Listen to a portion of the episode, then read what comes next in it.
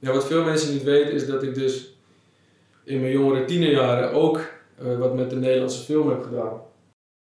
Ja, ik, ik, heb het persoonlijk zelf ook zo ervaren. Na die tien jaar kwam ik stopte, ik ging eruit.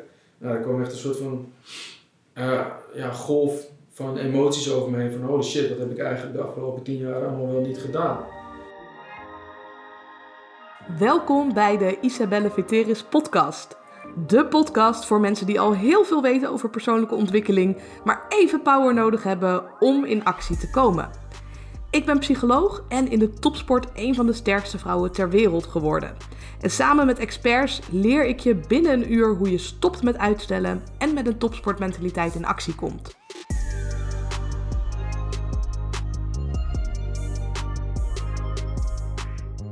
Ik uh, zit hier in uh, Leiden samen met Dai.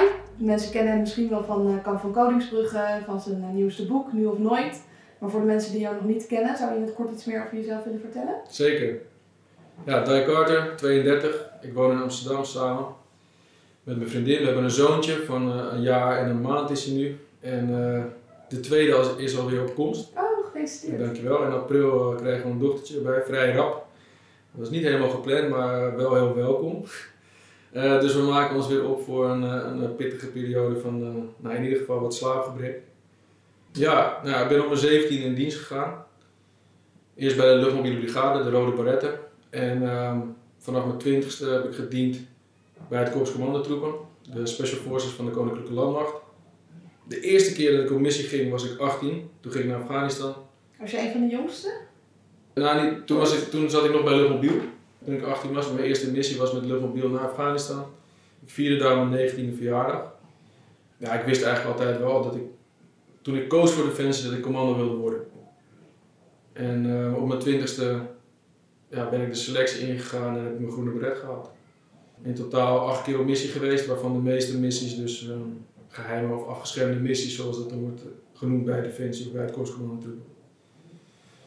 Mis ik iets? Mm, Nee, dat is eigenlijk een beetje het kort samengevat. En, en wilde je als klein jongetje altijd al bij het leger? Of had je andere dromen? Ik had, nee, ik had wel andere voetballer worden misschien? Nee, ik had als eerste, en dat heeft misschien wel een link met uh, het worden van commando speciale operaties, maar ik wilde heel graag ridder worden. En als de juf van mij vroeg, wat wil je worden? En dan de andere jongetjes in de klas zeiden ze natuurlijk brandweer of politieman, maar ik, ik hield standvastig vast aan ridder. Uh, ja, misschien ben ik wel een beetje een moderne ridder geworden later. Alleen, uh, en daarna ja, is het heel erg uh, op en neer gegaan. Maar ik weet nog dat ik uh, op een gegeven moment had besloten, doordat ik kung fu deed, martial arts, dat ik acupuncturist wilde worden. Nou, oké, prima. dat, is, dat ben ik niet geworden. En, en het leek me leuk om wel in, in films te spelen, want ik vond toneelstukken op school altijd wel leuk. Daar kon ik mijn creativiteit een beetje in kwijt. Dat zijn een beetje de twee, uh, of ja, uh, drie, drie uh, soort van dromen geweest als jonge, jonge jongen. Dat is allemaal op de een of andere manier wel een beetje uitgekomen, toch? Ja, op de een of andere manier wel, ja. Ja. En zelfs het, ja, dat, nou, ik hoorde je, je vraag in de podcast met Sander Aert van ehm, wat, uh, wat weten veel mensen niet van je. Maar dat is dus voor mij in, ieder geval. Ik ging daarover nadenken. Jeetje, wat een vraag ook. Zoals hij ik kwam ook in deze ja. Ik bereid meestal oh, okay. ook voor. Dus ja, ik voelde gewoon dat ik dat moest stellen. Ja, ik vond het een mooie vraag persoon. Hij was ook een beetje uh, caught of guard. Dus ik dacht, nou, daar moet ik over nadenken. Wat voor hetzelfde had. Ja, stelt ze mij ook die vraag. En um, ja, wat veel mensen niet weten is dat ik dus in mijn jongere tienerjaren ook uh, wat met de Nederlandse film heb gedaan. Ik heb daar veel over nagedacht, want ik heb dus in vier films gespeeld, als je het spelen wil noemen. Nou, de eerste film was De, de Passievrucht. En daar speelde Alida Rijding, Carice van Houten, Peter Paul Muller. Best wel grote namen voor de Nederlandse filmwereld, om het zo maar te noemen. En ik speelde dan uh, Bo, de zoon van Carice en uh, Peter Paul. Het is een boek wat verfilmd is. Wat sommigen ook wel misschien kennen van het, vanuit een, een Nederlandse leeslijst. Ja, het is een boek wat je moest lezen voor het vak Nederlands. Nou goed, daar speelde ik dus in, maar ik heb er veel over nagedacht of, of dat het echt acteren was. Want ik speelde, of ik was, gewoon een jongen. Van, uh, nou in dat geval toen was ik 13.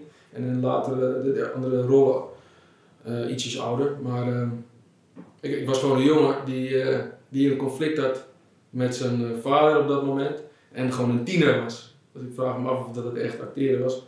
Dat gewoon jij ik- leven... Ja, het was, het was gewoon een beetje zoals mijn leven toen ook was. En ik was comfortabel met, ehm, met een camera om me heen. Net zoals dat ik dat nu met het tv-programma ook eigenlijk niet echt merk. Maar ik denk dat het komt omdat mijn vader, mijn vader is grafisch ontwerper. En die, eh, die had altijd een camera bij zich. Dus hij was altijd aan het filmen. En veel van, van, van mij aan het filmen ook toen- vanaf dat ik een baby was. Dus ik denk dat ik geconditioneerd ben om gewoon eh, normaal te blijven doen. Terwijl er een camera op me gericht is. Ja, terwijl de meeste mensen het super spannend vinden Ja. als er gefilmd wordt of een masker gaan opzetten. Ja, dus ik denk dat ik ja, in zoverre niet eens echt aan het acteren was, maar dat ik gewoon eh, ja, geconditioneerd ben om, eh, om, om normaal te, om te gaan met een camera om me heen. Maar goed, dus dat is eh antwoord op je vraag die je misschien wellicht, wellicht wel of niet wilde stellen. maar Hoe kwam je ja, daar dan terecht bij, Ja. bij die film? Want eh, moest je daar selectie voor doen? Of ja, ja, zeker. Ja, nou ja, het begon dus, op, ik was 12 en ik vond het toneelspelen op school leuk. Ik zat op speciaal onderwijs en we deden één keer per jaar een toneelstuk.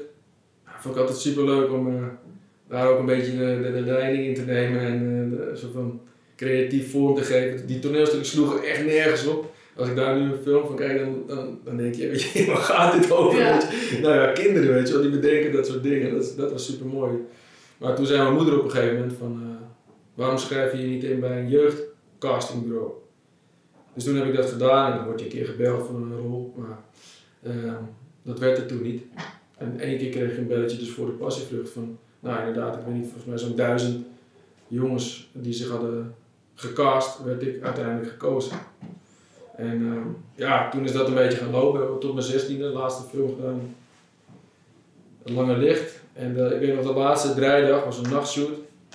En de volgende dag begon ik al vrij vroeg, moest ik me melden op het eh, ROC in Amsterdam voor, de, voor het oriëntatiejaar Koninklijke Landmacht. Een mbo-opleiding waarin je dus kennis maakt met defensie. En mijn schoolperiode, carrière was niet echt eh, nou, top, om het zo maar te noemen. En daar ben ik toen begonnen aan die opleiding. Dat was eigenlijk een beetje het eerste jaar dat ik school leerde waarderen.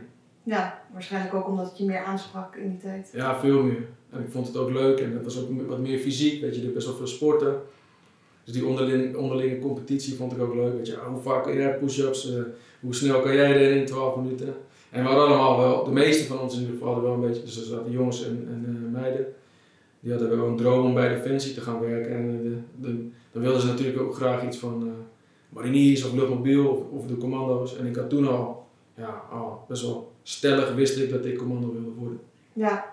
Ja, ik heb zelf ook eh, selectie voor Defensie gedaan. Ik heb ook wel affiniteit daarmee. Wat was dat bij jou dat je voelde van, oh dit is gaaf, hier wil ik meer van weten? Ja, meerdere dingen. Sowieso denk ik ook het avontuur. Maar ook alle dingen die je leert, alle vaardigheden. Zoals, eh, nou, zoals schieten, eh, bij de Special Forces parachutespringen, allerlei andere verschillende soorten specialisaties.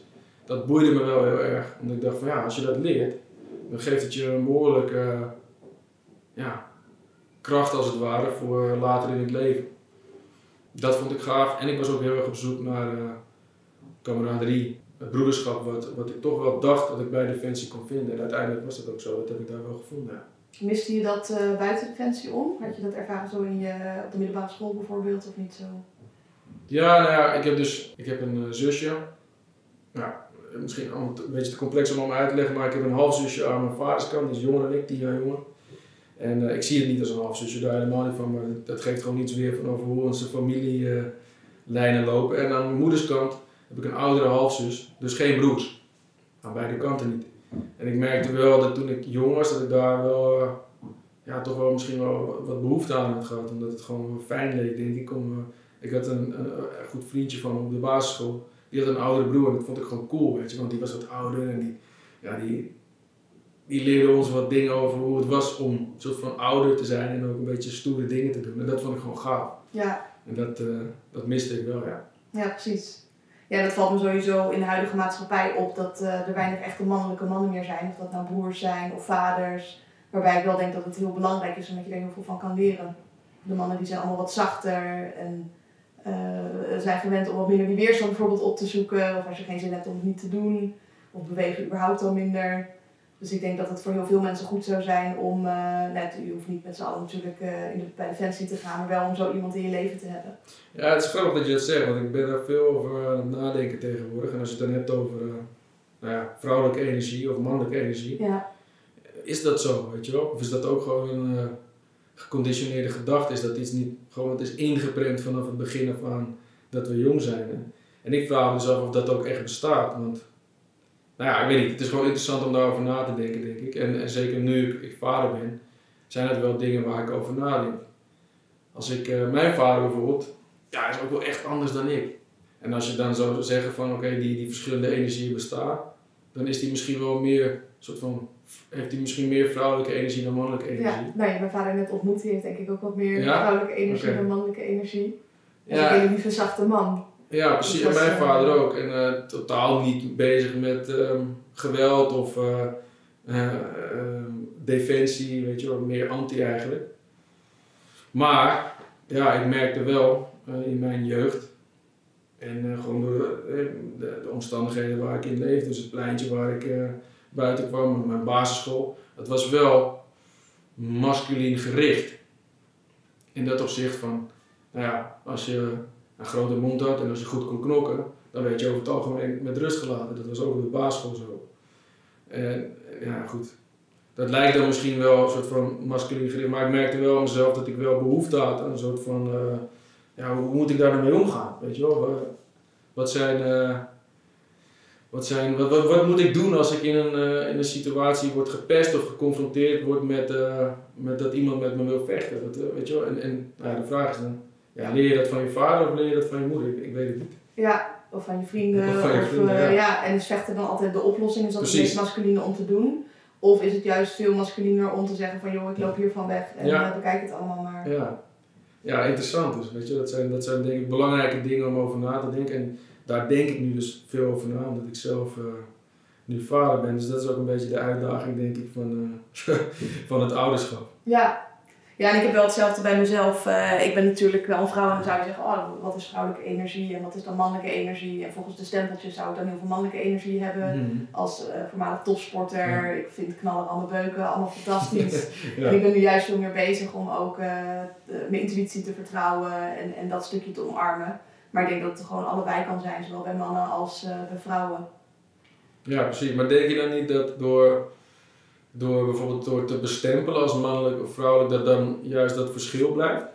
Ik denk vooral dat, dat als we het gaan bestempelen, dat bij sommigen de overtuiging zou kunnen ontstaan van oké, het is niet goed. Dus als je als man dingen uit rondom vrouwelijke energie, dat je dan denkt, oh ik ben niet mannelijk genoeg. Hmm. Of als je als vrouw veel mannelijke energie hebt, uh, dat je denkt, oh ik zou meer vrouwelijke energie moeten hebben. Terwijl ik denk dat dat allebei helemaal oké is. Ja. Ja. Je hebt ook, uh, ik heb wat meer uh, mannelijke energie, dus ik heb vaak partners die wat meer vrouwelijke energie hebben. En als dat werkt, dan is dat ook helemaal prima. Oh ja, nice. Alleen ik zie ook wel dat dat voor heel veel mensen niet altijd werkt. Dat vrouwen dan denken, oh maar ik wil juist weer een, een meer mannelijke man. Die voor mij dan de keuzes maakt en uh, die hmm. richting aangeeft. Ja, ja. oké, interessant. Ja. ja. Leuk. En jij bent toen natuurlijk bij Defensie gegaan.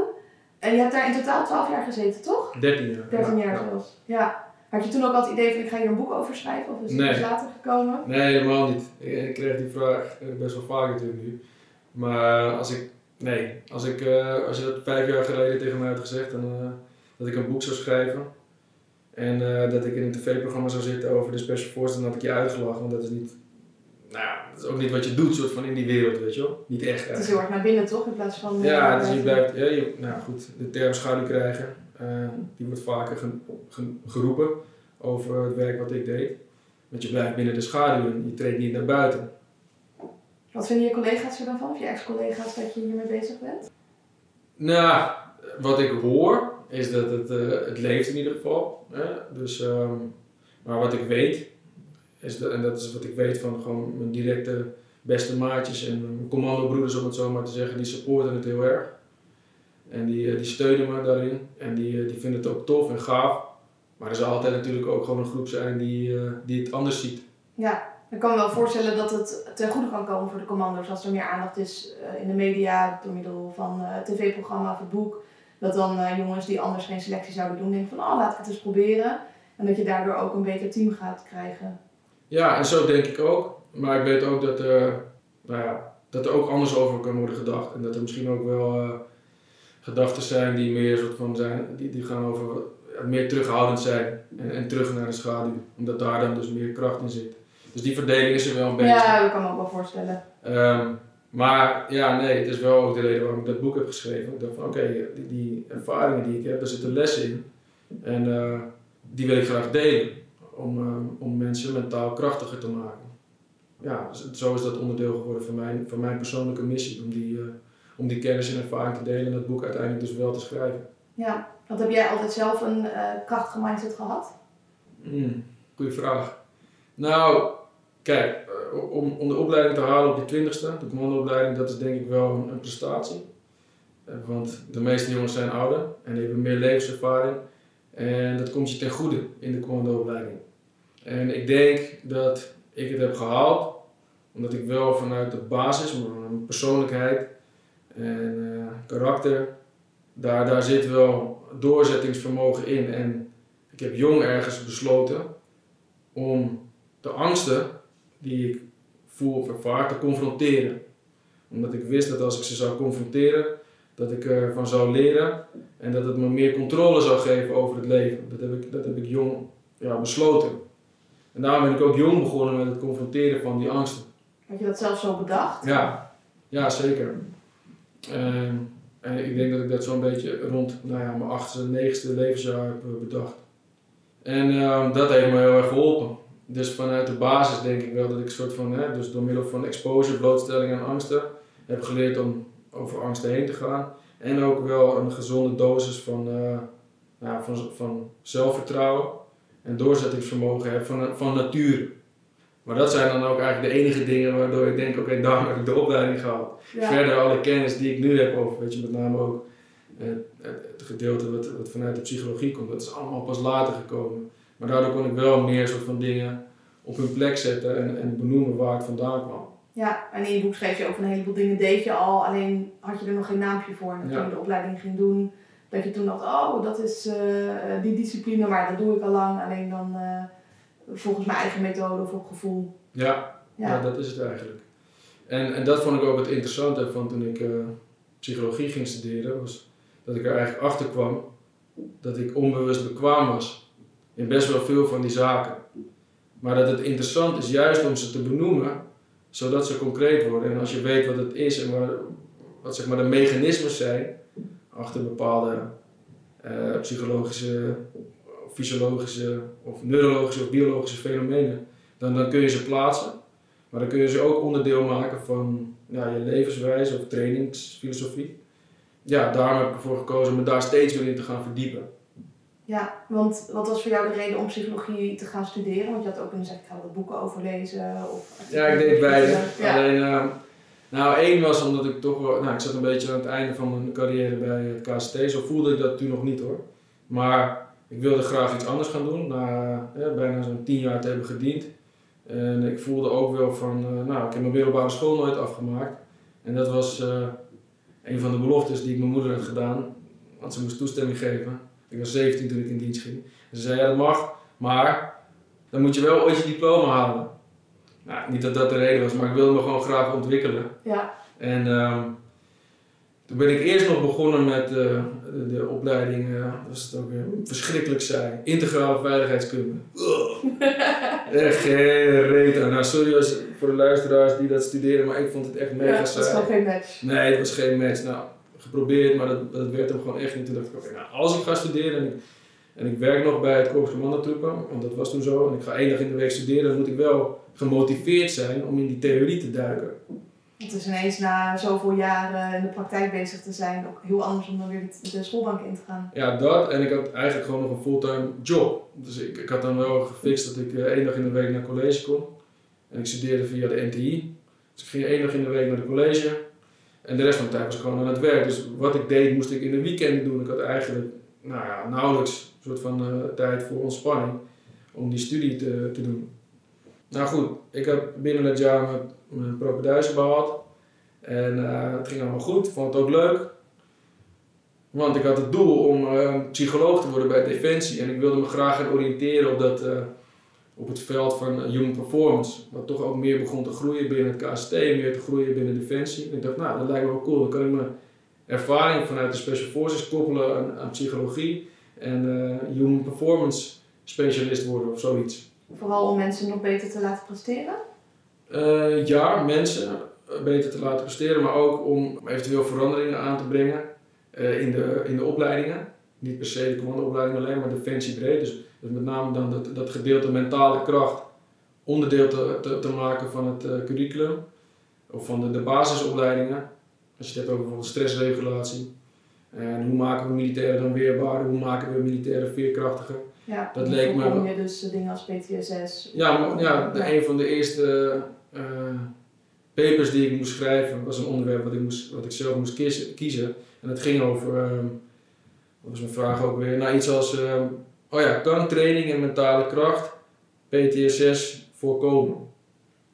En dat vond ik wel interessant. Nou, daar ben ik dan een gesprek over gestart met uh, bepaalde specialisten en mensen die dus mentale krachttraining gaven bij, bij het. Dat was een oud commando, Nick Zwart, en een oud officier van de mobiel, uh, Tommy. Ja, dat waren hele interessante gesprekken. Waar een beetje de zaadjes zijn geplant voor, nou, daar ben ik steeds meer over gaan lezen, steeds meer in gaan verdiepen. Tot het moment kwam dat ik dus een, een kans na, nou, ik was bezig in het uh, tweede jaar. Ja, ik was nog bezig in het eerste jaar toegepaste psychologie, ik werkte nog bij KST. Toen kreeg ik de kans, ik kreeg een belletje van de, de, de partner van Ray, Onno van Boven. Heb je die ontmoet? Ja, ja die heb je ik ben zeker bij Ray. Ja, je bent geweest op, de, op de farm. Ja, ook daar gaan zwemmen en even de Ja, ik zou zeggen, down. Nice. In de tuin, ja lekker, goede spot om, de, om te trainen daar. Ja. En um, nou, Onno belde mij, ik was al een keertje eerder met hun in contact geweest toen ze hun eigen bedrijf hadden, Triangle Group. En die belde met de vraag of ik misschien medische training wilde gaan geven als contractor ZZP'er bij Defensie. Op het medisch uh, en geneeskundig trainingscentrum in Hilversum. Nou, ik dacht, ja, dat is eigenlijk wel een mooie kans, want nou, ik ben op zoek naar iets anders. Ik wilde ook meer thuis zijn. Ik was al nou, vet lang binnenslapen, zoals dat dan heet. En uh, toen heb ik er even over nagedacht. En uh, toen heb ik gewoon gezegd, ja is goed. Dus ik, bel, ik belde volgens mij uh, drie dagen later ook. Ik zeg, ja is goed, ik ga het doen. Maar ik maak nog wel deze opleiding af. Ik was toen instructeur in de low visibility opleiding. Dus jongens leren eigenlijk ja, op heimelijke missies te gaan. Dat was de, toch hetgene waar ik de meeste ervaring in had. Ik zeg, maak deze opleiding af en dan kom ik voor jullie werken. Nou, toen ben ik daarmee begonnen. Alleen ondernemen, om het zo maar te noemen. En, en mijn leven veranderde van de een op de andere dag. Ja, dat is ook een vak apart, hè? Ja, ja, zeker. En er kwamen soms wat andere klusjes bij, maar ik was ineens gefocust op, ja, wacht even, ik moet ook gewoon geld hebben aan het eind van de maand om mijn hypotheek te betalen. Ja, dus en ineens alles zelf doen rondom je administratie. Al die dingen moesten snel Dus mijn focus werd in één keer verlegd van, nou, eh, psychologie studeren, toegepaste psychologie, psycholoog worden bij Defensie, naar ondernemen en iets heel anders doen in drie dagen tijd had je... Ja, het was letterlijk in, in drie dagen tijd. Want ja, ik had natuurlijk wel langer nagedacht over de consequenties en dingen en zo. Maar ik, was eigenlijk voornemens om nog, nog wel door te gaan met mijn studie. maar in het tweede jaar, dus ik had het eerste jaar gehaald, toen was ik uh, als contractor begonnen voor Trainer Group. Ja, dat ging gewoon niet samen. En toen heb ik ook de, de keuze moeten maken om uh, met, die, uh, met die... Ik heb mijn eerste papers heb ik, uh, ingeleverd, dat ik goede cijfers voor, nog een tentamen gemaakt. Maar ik dacht, ja, dit gaat gewoon niet meer. Nee, je kan niet twee dingen op topniveau nee. gaan doen. Nee, en ik deed, ik moet eerlijk zeggen dat ik die studie ook al niet echt... ik bedoel, ik, ik was... klinkt misschien gek voor een commando speciale operaties, maar ik was wel gewoon tevreden met voldoendes. Ja. En ik hoefde echt geen hoge cijfers te halen, maar tot mijn verbazing haalde ik voor mijn papers best wel hoge cijfers, omdat ik het ook leuk vond om te schrijven. En daar is ook weer een beetje de basis ontstaan voor nou, mijn schrijfvermogen en uh, taalvaardigheid is echt omhoog gegaan door die studie. Wat ik weer heb kunnen gebruiken voor het schrijven van mijn boek. Ja, vaak als je achteraf terugkijkt, denk je, ja. oh, dit is allemaal heel logisch dat ik dit zo ja, heb gedaan. en toen was het helemaal, toen, toen voelde dat natuurlijk niet zo. Ik wist ook toen nog steeds niet dat ik een boek zou schrijven. Maar het heeft allemaal wel heel veel waarde gehad. En dat, nou ja, dat anderhalf jaar, twee jaar, bijna twee jaar psychologie studeren, heeft ook de basis gegeven voor de kennis die ik nu heb op het gebied van psychologie. Ja, en ik denk dat het ook wel een extra verdieping in het tv-programma bijvoorbeeld geeft, doordat je daar zoveel kennis over hebt. Ja, zo voelt het wel voor mij. Ja. En zo, zo kan ik inderdaad soms dingen die, uh, nou, dingen kun je daardoor beter benoemen. ja, beter reflecteren waar het misschien vandaan komt. En dat is wel mooi inderdaad om mee te geven. Ja, en ook voor de mensen die dan kijken, die dan eh, zich in bepaalde deelnemers kunnen herkennen. En dan een indirecte analyse van jou krijgen van, oh, dit gedrag is eh, Ja. wel of niet oké en zo zou je het kunnen aanpakken.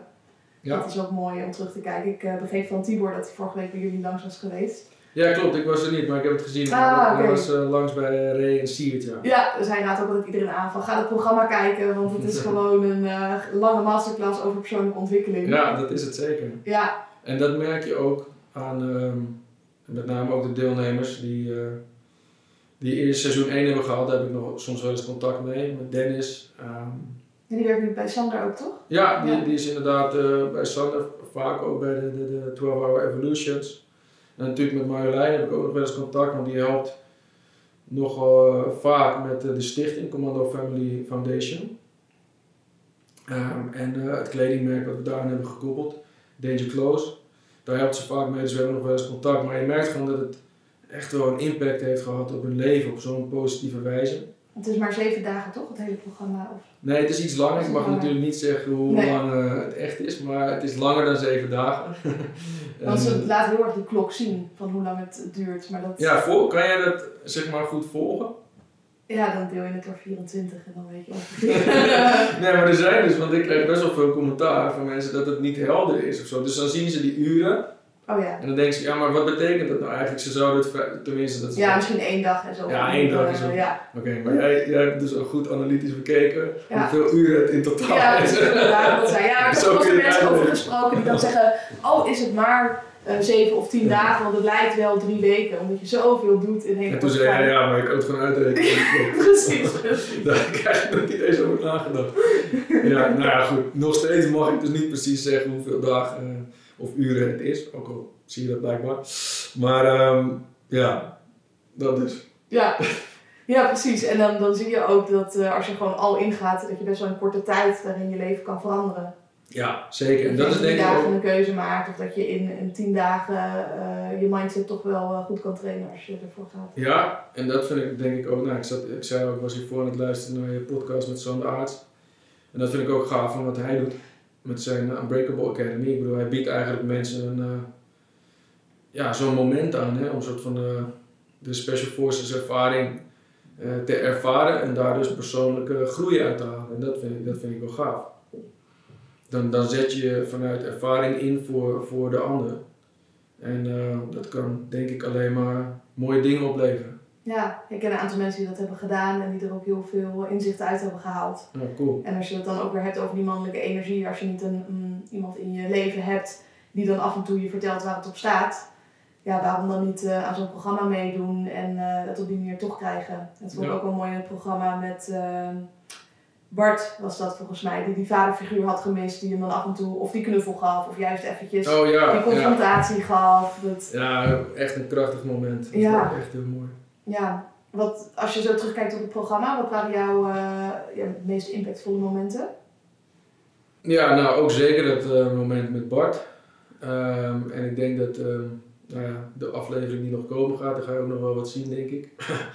nou, we hadden het net over een, mooi moment met Ray en ehm, eh, waar hij eh, ook wat emotie laat zien. Maar dat ga je dan ook zeker bij mij zien, misschien wel iets meer de, de felle kant ook. Dus dat, dat gaat nog komen, maar dat is een eh, memorabel moment. Maar ik moet eerlijk zeggen, weet je, die dagen gaan ook, nou, zijn zo intens ook, want je zit zo'n zo, zo'n sneltrein van emoties en ervaringen. Dat het lastig, om, lastig is om te pinpointen wat, wat echt goed blijft, Ja. of bij je blijft. Maar zeker dat eh, moment met Bart heeft, heeft indruk gemaakt. Ja, ik moest daarna ook wel eventjes eh, de bosjes inlopen en een traantje laten, want eh, het was gewoon een, eh, ja, een heftig moment. Ja, ik denk dat je ook weer denkt dan aan eigen herinneringen. Nou, niet zozeer. Ik denk dat ik gewoon met name ook nou, het slaapgebrek van het afgelopen jaar hakt er ook in. En, ik maak wel eens de grap dat ik. en nu valt het wel mee, nu begint het goed de goede kant op te gaan. Maar ja, een paar maanden geleden voelde ik me wel een beetje emotioneel verwakt door die hele rollercoaster van, eh, van vaderschap. En gecombineerd met weinig slapen. Dus als ik dan eh, iets zag op tv eh, over dat onderwerp, vader, zoon, dingen, dan. cracks me up. ja. En dus dat gebeurde toen ook. Ja, ik moest echt wel even een momentje nemen. Ik, ik ben ook even daar die tent uitgelopen uiteindelijk toen het gesprek af was natuurlijk. En nou, ik heb even wel een traantje gelaten. Van, wow, dat was wel eh, intens, heftig. Met name omdat het gewoon gaat over, ja, over die relatie. Ik vond het ook mooi dat Ray daarna een filmpje postte. Hè, zijn stijgertalks Ja, met zijn eh, vader. ja, met LinkedIn. Dat vond ik heel, heel gaaf. Want het is wel gewoon een thema, weet je wel. Het is, het is nu voor mij een- gewoon een groot thema ook. Van ja, hoe ga ik dat doen, weet je wel? En hoe, eh, ja, hoe ga je daar invloed op uitoefenen? Zonder dus dat je eh, te veel invloed wil uitoefenen op je kinderen. Ja. Ja. Dus ik denk dat dat was, dat was het gewoon. Ik was gewoon eh, slaapgebrek en eh, Ja. een beetje emotioneel. Ja, Ja. precies. Dat snap ik ook wel.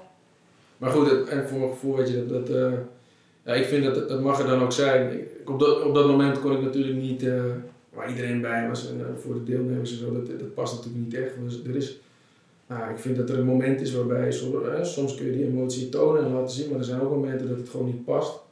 En dan moet je jezelf even verbijten en dan, dan kan het er later uitkomen. Of je moet gewoon even weglopen en zelf even een traantje laten ergens. Om het eruit te laten en dan weer terug te komen en eh, gewoon weer je ding te doen. Ja, dat is denk ik ook mentale kracht. Niet per se dat je die emoties helemaal onderdrukt, maar soms eventjes op pauze zet en dan op een ander moment eruit Precies. geeft. Ja, Ja. zeker.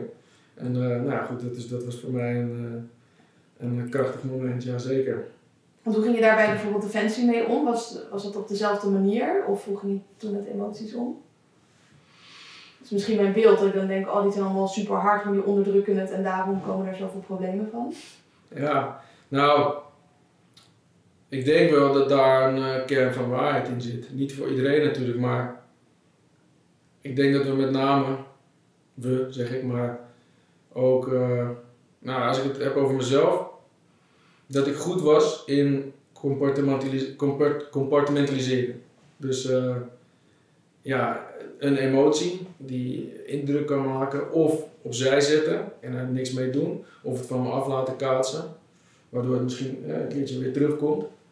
Maar daar, daar, daar vlak je inderdaad wel een beetje van af. En ik ben er wel achter gekomen dat het uiteindelijk gewoon weer terugkomt. Nou, ik denk dat je dan eerder goed bent in, in een soort van eh panzer, dragen en dingen van je af laten schieten. En dan vervolgens gewoon door te gaan, zonder erbij stil te staan, eh, met eh, de gevolgen van dien. Ja, ik, ik heb het persoonlijk zelf ook zo ervaren. Na die tien jaar kwam ik stopte, ik ging eruit. Nou, er kwam echt een soort van eh, ja, golf van emoties over me heen. Van holy shit, wat heb ik eigenlijk de afgelopen tien jaar allemaal wel niet gedaan. Weet je wel, veel op missie geweest. Nou ja, als je het vergelijkt met topsport. Het was tien jaar topsport. In de zin van dat, dat je gewoon tien jaar lang aan het eh, presteren bent op, het, eh, op je top. Ja. En altijd het weet je uiterste. niet altijd wanneer de wedstrijd komt. Hè? Ik weet precies, Ja, op dinsdag om vijf uur dan is de wedstrijd en dan moet ik deze dingen doen. Jullie hebben geen idee. nee, dat is wel een beetje het verschil inderdaad. Maar waar het om gaat is ja, presteren. En dan altijd ja, het beste uit jezelf willen. Dat, dat vraagt nogal wat. Mhm. En als je in een, een omgeving bent waar alleen maar gemotiveerde gasten aanwezig zijn, die ook nog eens vaak gewoon super goed zijn in, in, bijna alles wat ze doen, ja, dan, dan ben je ook continu soort van onbewust of bewust aan het meten met je maatjes. En eh, ja, dat, dat vraagt echt wel wat. Ja, dan ook nog eh, de bijkomstigheid dat je hè, op missie gaat met, met bepaalde dreigingen en de stress die daarbij hoort. Het heeft gewoon allemaal impact op je, op je lichaam en geest. En daar moet je je bewust van zijn. En daarom denk ik dus dat het ook belangrijk is om meer te doen aan de voorzijde. Zodat je leert nou, wat je kunt doen op de momenten zelf, dus in het moment. Wat ik zie als weerbaarheid. En wat je, wat je kunt doen na het moment. Dus daar zit meer de veerkracht. Ja. Terugveren na een stressvolle gebeurtenis. En weerbaarheid is acteren tijdens de gebeurtenis, middels copingmechanismen. Ja, in plaats van dat je voor veiligheid gaat en een mentaal panzer creëert zodat het je allemaal niet raakt. Ja, en dat mentaal, kijk, dat, mentaal panzer is, kan ook nuttig zijn. Want het heeft zijn effecten. Hè? Ik bedoel, het is, het is ook niet voor niets dat we het opbouwen. Alleen is het niet nuttig en ook niet gezond, denk ik, om het, om het de rest van je leven of altijd dat panzer te blijven dragen. Waar het om gaat is, oké, er komt een situatie aan, ik ga de panzer nu even aantrekken. Net zoals dat ik mijn vest vroeger aantrok, mijn, mijn, pan- mijn kogelwerende vest. Ik trek het nu aan, want we gaan een dreigende situatie in. Maar als die is geweest, zet ik hem ook weer af. En ben ik ook gewoon weer wie ik ben. En eh, ja, kan ik dus leren, reguleren eh, hoe ik met die emoties om moet gaan. Ja, het helemaal uitschakelen, dan hou je ook een stukje van het leven weg. Als je kind straks gaat lopen en jij zit daar met een pokerface van, oh ja, ik heb een panzer op. Ja, ja, zeker. En dat is ook wel iets wat gebeurt na een missie. Als je terugkomt, zit je echt gewoon in een soort van ehm, nou ja, fase dat die, eh, je arousal eh, nog hoog is. En, en dat je dus nog steeds mega alert bent, terwijl ja, niet echt nodig is. En dan kom je hier weet je, thuis en dan hoor je nu bijvoorbeeld vuurwerk dat afgaat, ja, daar kun je op reageren. Maar ook dat is dus normaal. En daar wordt vaak soort van, soort van lacherig op gereageerd. Van, schrik je van vuurwerk? En nee, het is heel normaal. Dat hoort gewoon bij het psychologische verwerkingsproces van langere tijd in een dreigende situatie zijn. Of in een complexe omgeving uh, rondlopen en acteren. Ja, het is gewoon een gewoonte geworden om altijd je omgeving te checken of om alert te zijn Ja. op geluiden. Maar dat is dus niet gezond om vast te blijven Nee, houden in, de, in deze setting, in onze, in onze maatschappij zoals die nou, hier is. En als je dan dus weer vader moet zijn, ja, dan is het niet fijn om, om in die hoge staat van alertheid te zitten. En is het belangrijk denk ik dat je tools meekrijgt of leert om, om daarmee om te kunnen gaan en terug leert schakelen. En soms kan dat ook niet, want dan is de ervaring zo intens en heftig geweest, ja, waardoor je echt hulp nodig hebt om, om, om, dat, om, dat, om dat te kunnen doen. Want eh, vaak, ja, vaak, zeker bij zo'n intense ervaring, gaat dat niet alleen lukken en heb je gewoon hulp nodig en is het niet, ehm, hoe zeg je dat? Hoef je je niet voor te schamen om professionele hulp te zoeken en dat, dat is toch wel iets wat leeft vaak nog. Is dat nog een taboe? Binnen de topsport is het best wel een taboe nog om aan je mindset te werken. Is dat ook binnen Defensie nog zo? Ja, maar het beg- het begint nu langzaam eh, wat meer op gang te komen dat het minder een taboe wordt.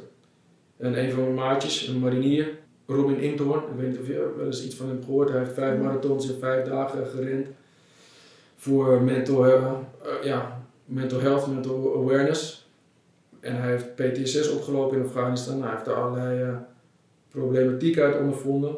Maar hij is er ook weer door middel van blootstelling en therapie sterker uitgekomen. Hij heeft als het ware posttraumatische groei meegemaakt. Nou, hij is daar nu echt wel een kaartrekker in binnen de Defensie. Doet hij niet alleen, dat doet hij met een aantal andere jongens eh, die zich daarvoor inzetten. En, ehm, ja, en da- da- daardoor zijn er dus mensen die, eh, die die kaart daar een beetje in trekken. En dat is denk ik heel goed. Ja. En jij bent natuurlijk ook bezig om een bepaalde kaart te trekken met je boek. Wat is voor jou de reden dat je dat boek hebt geschreven? Omdat ik wel merk dat om me heen vraag is naar mentale kracht. En wat het precies is en waar het uit bestaat. En hoe je het onderdeel kunt maken van je leven. En dat komt één natuurlijk ook gewoon door de, nou, door de coronapandemie van de afgelopen twee jaar. Wat, wat denk ik een behoorlijk effect heeft gehad op het welzijn en het bewustzijn van veel mensen. Ja, hoe belangrijk die mindset ook is. ik. Ja, zeker.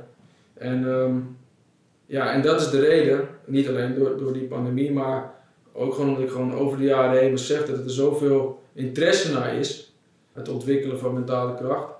Met name vanuit, soort van die, die, van, vanuit het perspectief van iemand die bij de Special Forces heeft gezeten. Dat het, dat het belangrijk is om dat te leren toe te passen. En omdat ik vind en denk dat er te weinig aan wordt gedaan voor de jongere generatie.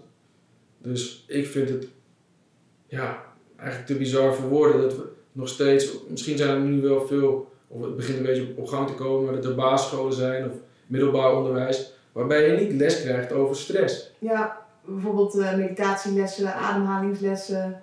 Ik las in je boek dat je ook aan Buteco ademhalingsoefeningen Ja. doet. Nooit wat geleerd over eh, op de basisschool. Nee. Maar wel rekenen, taal, aardrijkskunde. Precies. Terwijl ik vind dat je dat soort life skills, in ieder geval voor een gedeelte, want laten we eerlijk zijn, dat gebeurt niet altijd thuis. En juist misschien wel voor kinderen eh, die, die het echt niet van huis uit mee gaan, mee gaan krijgen, is het juist belangrijk dat ze dat op school wel meekrijgen. En dat ze tools krijgen over hoe ze met emoties, eh, boosheid, woede, maar ook weet je vreugde, blijheid, om kunnen gaan. En, en zichzelf weerbaar leren maken. Überhaupt wel begrijpen wat die termen betekenen in simpele vorm.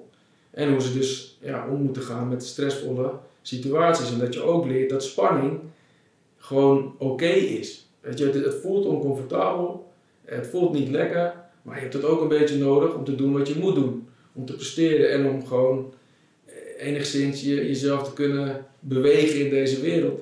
Ja, anders moet je de hele dag binnen blijven zitten en heb je geen spanning, maar dan heb je ook geen eh, leven. Nee. En, en dat is de reden waarom ik ervoor heb gekozen om toch die les te delen. En mijn persoonlijke missie om mentale kracht bij zoveel mogelijk mensen te krijgen, eh, ja, in gang te zetten. Want ik, het, ons, het idee had ik al langer, maar ik wist nog niet hoe. En eh, ja, natuurlijk heeft het boek en het tv-programma dat een beetje wel in gang gezet. En de keuze om dus nou ja, in het licht te gaan staan in plaats van in de schaduw, heeft ervoor gezorgd dat, eh, dat ik dat nu ook kan doen. En een boek is natuurlijk een, eh, een, een super mooi medium om dat te bereiken. Want we hadden het in het voorgesprek een beetje over nou, individuele coaching. Ja, ik heb dat uitgeprobeerd, maar ik kwam erachter dat het heel veel waarde had voor die persoon. Maar dat ik niet die grote schaal ermee ging bereiken. Terwijl ik dat juist wilde. Ja, en met een boek of met zo'n podcast of een tv-programma, dan eh, kan dat veel meer. Ja, Ja. En in je boek heb je het ook over mentale kracht, dat het uit vijf componenten bestaat, van je gedachten, je gevoel. En je hebt het ook over spiritualiteit. Eh, Geloven in iets wat hoger is dan jij. Ehm, wat is verder spiritualiteit voor jou? Als je dat zeg maar leest als, als leek, om maar zo te zeggen, denk je, oh, dat is hè, militaire, eh, zweverig. Ja. Ehm, hoe zit dat? Ja, inderdaad, dat, dat zou je kunnen denken. En, ehm, en dat, vaak hebben ook mensen de, nou ja, de gevoelswaarde van het woord spiritualiteit. Dat, dat, ja, dat zit een beetje in die, die wollige hoek, weet je wel. Mhm. Maar zo zie ik het niet. Want hoe ik het, hoe ik het, hoe ik het zie, is spirituali- spiritualiteit bestaat uit het vinden van betekenis. Of betekenis geven aan je, aan je leven. Door, door middel van persoonlijk leiderschap. Dus door op zoek te gaan naar, oké, maar wie ben ik? En waar besta ik uit en waar wil ik voor leven? Dus dat is een soort van eh, zoektocht als het ware naar, naar het zelf. En, eh, en het zoeken naar ja, als het ware een verbondenheid met, eh, met een groter geheel. En, en voor, voor sommige mensen is dat het geloof. Het kan ook defensie zijn, toch? Want je bent verbonden met je missie, Ja. met je broeders. Precies, en daar zit het dan weer want het is, dus het is één, dus betekenis, purpose.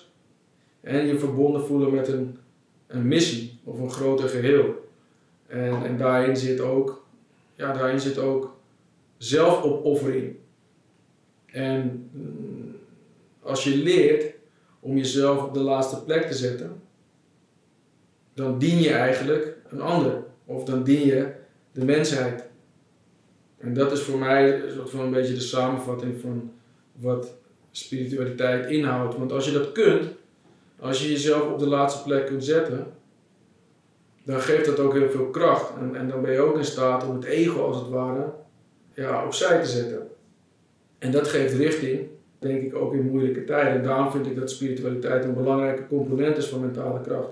Want het geeft houvast in moeilijke tijden. En of je dan ervoor kiest om dat te doen binnen je geloof, wat, ook- wat ook daarbij binnen past. Of dat je dat doet door middel van bidden en meditatie. Uiteindelijk zijn het gewoon vormen of manieren om jezelf in het nu te brengen. Ja. En eh, die keuze heb je zelf. Het is nu of nooit. En daarom vond ik dat het ook eh, zo sterk paste binnen, ja, binnen mentale kracht. Ja, ik vond het mooi dat je daar juist over schrijft. Eh, want ik heb vaak, als ik met mensen erover spreek, dat ze belemmerende overtuigingen erover hebben van het is zweverig. En dat zijn die mensen die hun chakra's reinigen en ja. maken. Maar het is zoveel meer dan dat alleen. Ja. ja, en daarmee wil ik dus niet, weet je, oh, wegpoetsen dat men. Want ja, hey, als je daar een verbinding mee voelt met, eh, met chakras, hey, dan moet je dat vooral doen. Ja, maar het is een heel spectrum aan allerlei dingen die je kan doen. Net zoals dat trainen niet alleen maar naar de sportschool gaan is, maar ook yoga of hardlopen of curlen of, of welke Ja, er allemaal. Zeker, en dat, en dat is denk ik een mooie vergelijking. Zo kun je dus ook mindfulness, wat, wat soms voor sommige mensen ook een wollige term is, maar dat, dat vind ik niet. Het is, het is eigenlijk gewoon in het nu zijn en een manier vinden om je gewoon eventjes af te zonderen van de rest van de wereld en te zijn nou ja, wie je bent met de gevoelens die je op dat moment hebt. Dus ja, zo zweverig vind ik dat niet. Maar je kunt mindfulness dus ook toepassen terwijl je sport. En terwijl je bezig bent met die dagelijkse activiteiten. En, en ik vind juist voor mij sport ook echt nou, een moment om mijn hoofd te maken. Maar dus ook gewoon eventjes me af te sluiten van eh, de rest van de wereld. Telefoon weg, Uh, dan heb ik ook de discipline om er niet naar te kijken. Ik gebruik het wel bijvoorbeeld voor hart, hartslagmeting en zo, dat soort dingen. Dus wel voor sportieve doeleinden. Maar ik ga niet naar mijn WhatsApp kijken, ik kijk niet naar mijn Instagram. En dat, dat vind ik heel bevrijdend. En dan, daarom vind ik ook dat die discipline gebruiken om mindfulness in te zetten, ja, dat geeft je een vorm van vrijheid. Zeker op het gebied van, uh, van training. Ja. En is het denk ik ook een uitdaging om dat een beetje een soort van uit te proberen en te experimenteren met oké, waar en op welke momenten in de dag kan ik dat gaan toepassen. Zodat ik meer in het nu kom en dat ik ook gewoon eventjes voel dat ik leef. In plaats van dat ik in de waan van de dag zit. Ja, en uh, afga op alle prikkels die uh, op mijn pad komen. Ja, telefoon, dopamine, ja. dopamine, swipe, ja, swipe, ik heb alle meldingen maar uitgezet. En geluid staat altijd op stil, regelmatig op vliegtuigstand. Ja. Dat ik in ieder geval die verleidingen uit je leven heb geband. Ja. Ben je daar ook bewust mee bezig? Ja, zeker. En voor mij is het nu ook best wel een groot thema, want door het tv-programma en door mijn boek uh, groeien volgers op Instagram, uh, weet je, social meer media, aanvragen. meer aanvragen. Dus het is ook, ik moet mezelf, uh, nou ja, echt dwingen ook om, nou bijvoorbeeld s'avonds, weet je, echt op een gegeven moment te zeggen van op een bepaald tijdstip, hey, nu zet ik die telefoon uit of een vliegtuigstand en ik ga niet meer naar een scherm kijken en ik ga even wat yoga of stretchoefeningen doen of, of lezen, zodat die, die, die prikkels weer eventjes worden uitgeschakeld voordat ik naar bed ga. Ja. Ik moet mezelf daartoe dwingen, omdat ik ook merk, hè, we zijn mens, dat ik het ook natuurlijk leuk vind. En ik vind het ook interessant. En Het is makkelijk. het is makkelijk en ik weet dat ik eh, van al die likes ook weer dopamine krijg. En Dus weet je, en dat, daar was het nuttig om daar inzicht in te hebben. En je daar niet in te laten verleiden. En soms is het moeilijk, ja, vind ik ook. Het is gewoon af en toe echt lastig om te zeggen ah, fuck, weet je wel, slap myself. Ja. Oké, ik doe dat, dat ding nu weg. Woesa. ik ga me nu even focussen op het nu, zeg maar. Ja, ik heb daarom gewoon hele strenge kaders, maar voor mezelf. Dat je na een bepaald tijdstip je telefoon niet meer Ja, hoe gebruikt. laat je dat?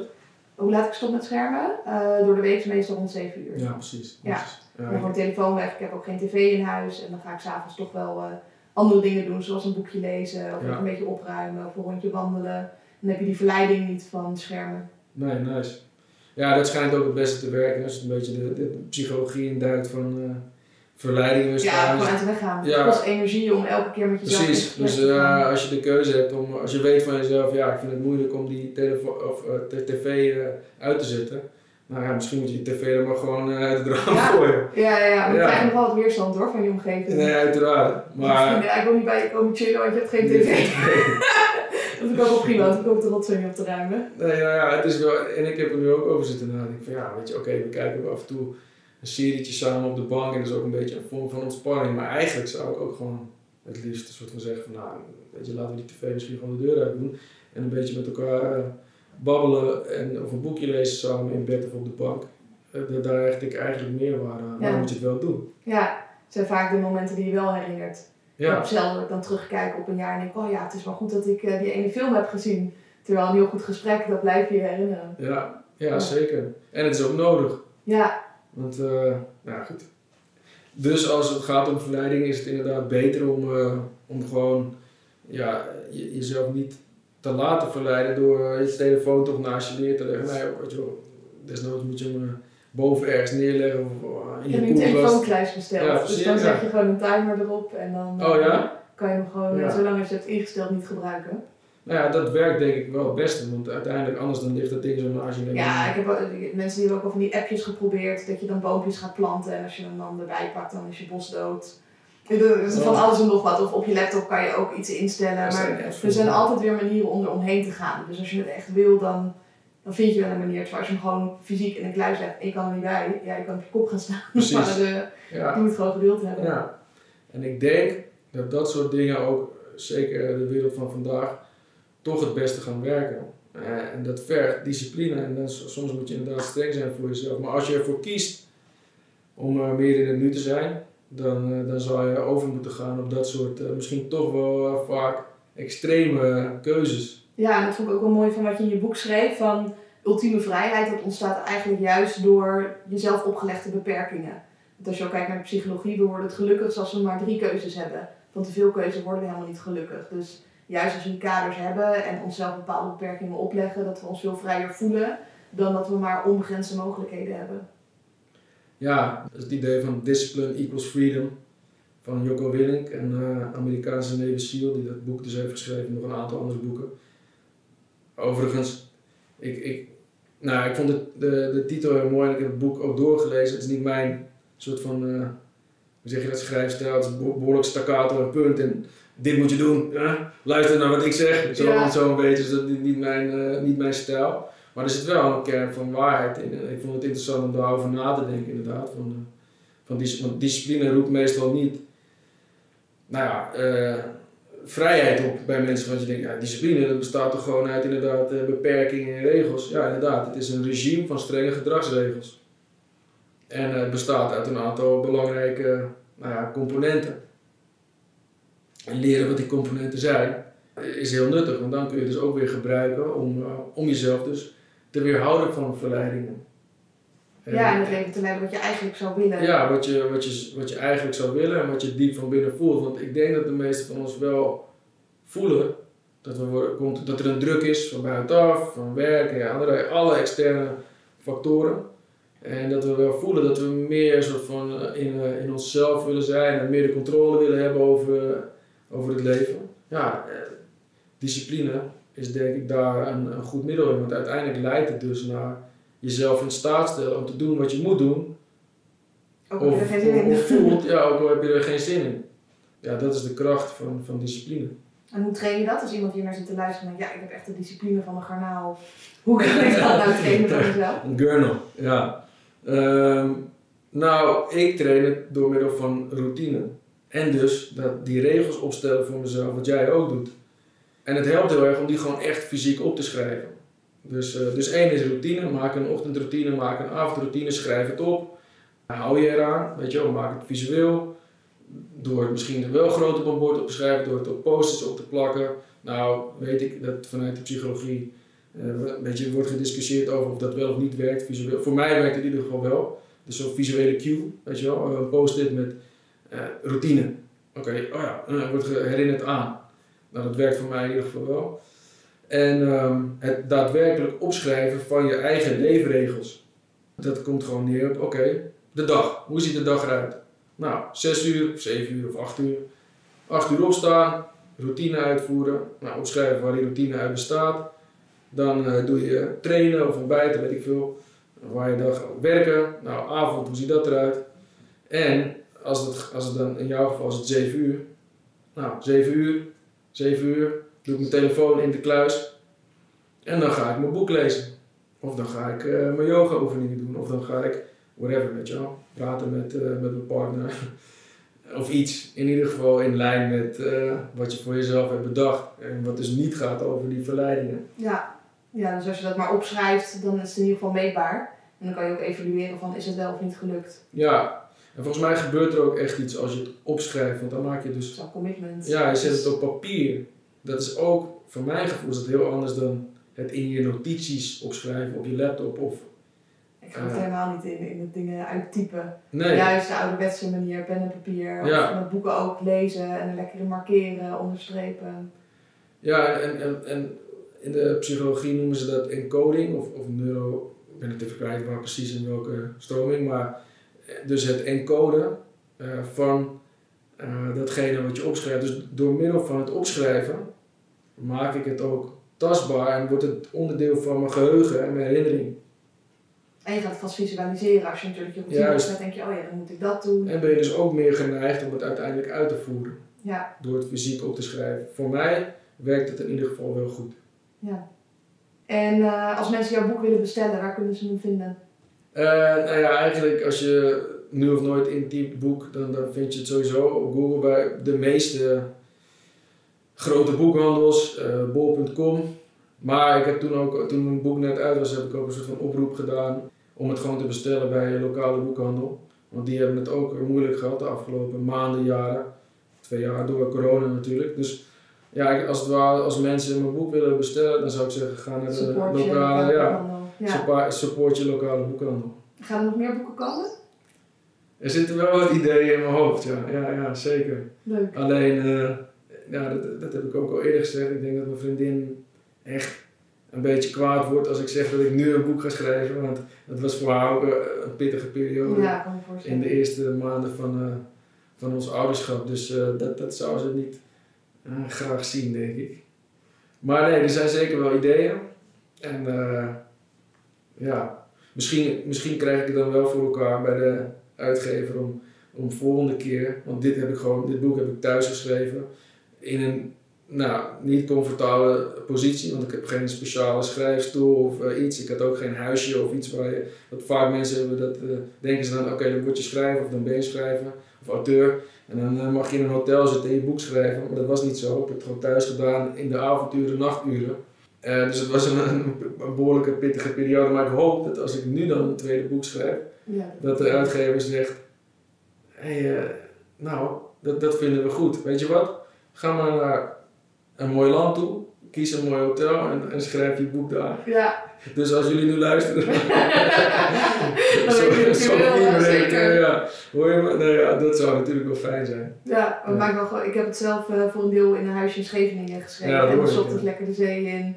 En ik heb een interview met eh Thijs Launsbach gedaan, die is ook psycholoog. En die had voor zichzelf eh, een huisje in Frankrijk geboekt. En daar, Toch beter eh, geregeld dan ik. Ja, ja, ja.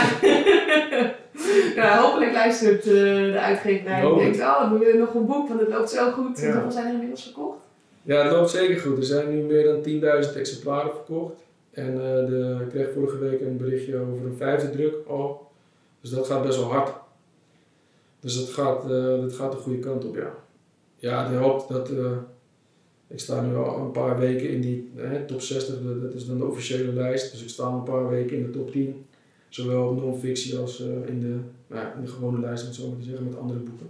Dus ja, dat gaat wel goed.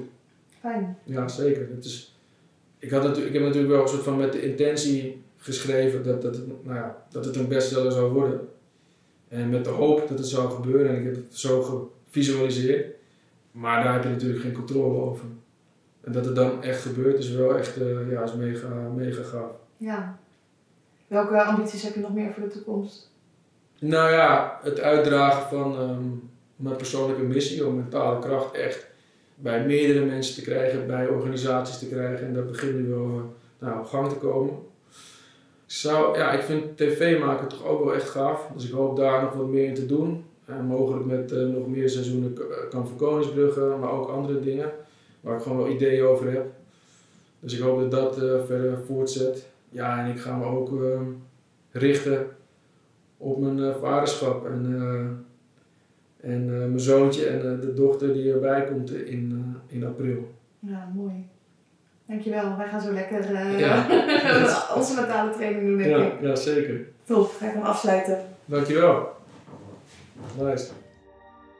Hartstikke leuk dat je naar deze podcast hebt geluisterd. Mochten we nog niet connected zijn, volg me even op Instagram, @isabellelifts of download even mijn gratis e-book met meer dan 50 tips over mindset via isabelleveteris.com. En ik hoor ook heel graag wat je van deze podcast vond. En dat kan je doen door even een screenshotje te maken van eh, de podcast zelf, via Instagram even te delen wat je ervan vond en mij natuurlijk even te taggen. Want als topsporter kan ik alleen maar leren van feedback en hoor ik ook heel graag wat je ervan vond. En eh, ik wens je ook een fijne dag en dankjewel voor het luisteren en tot de volgende keer.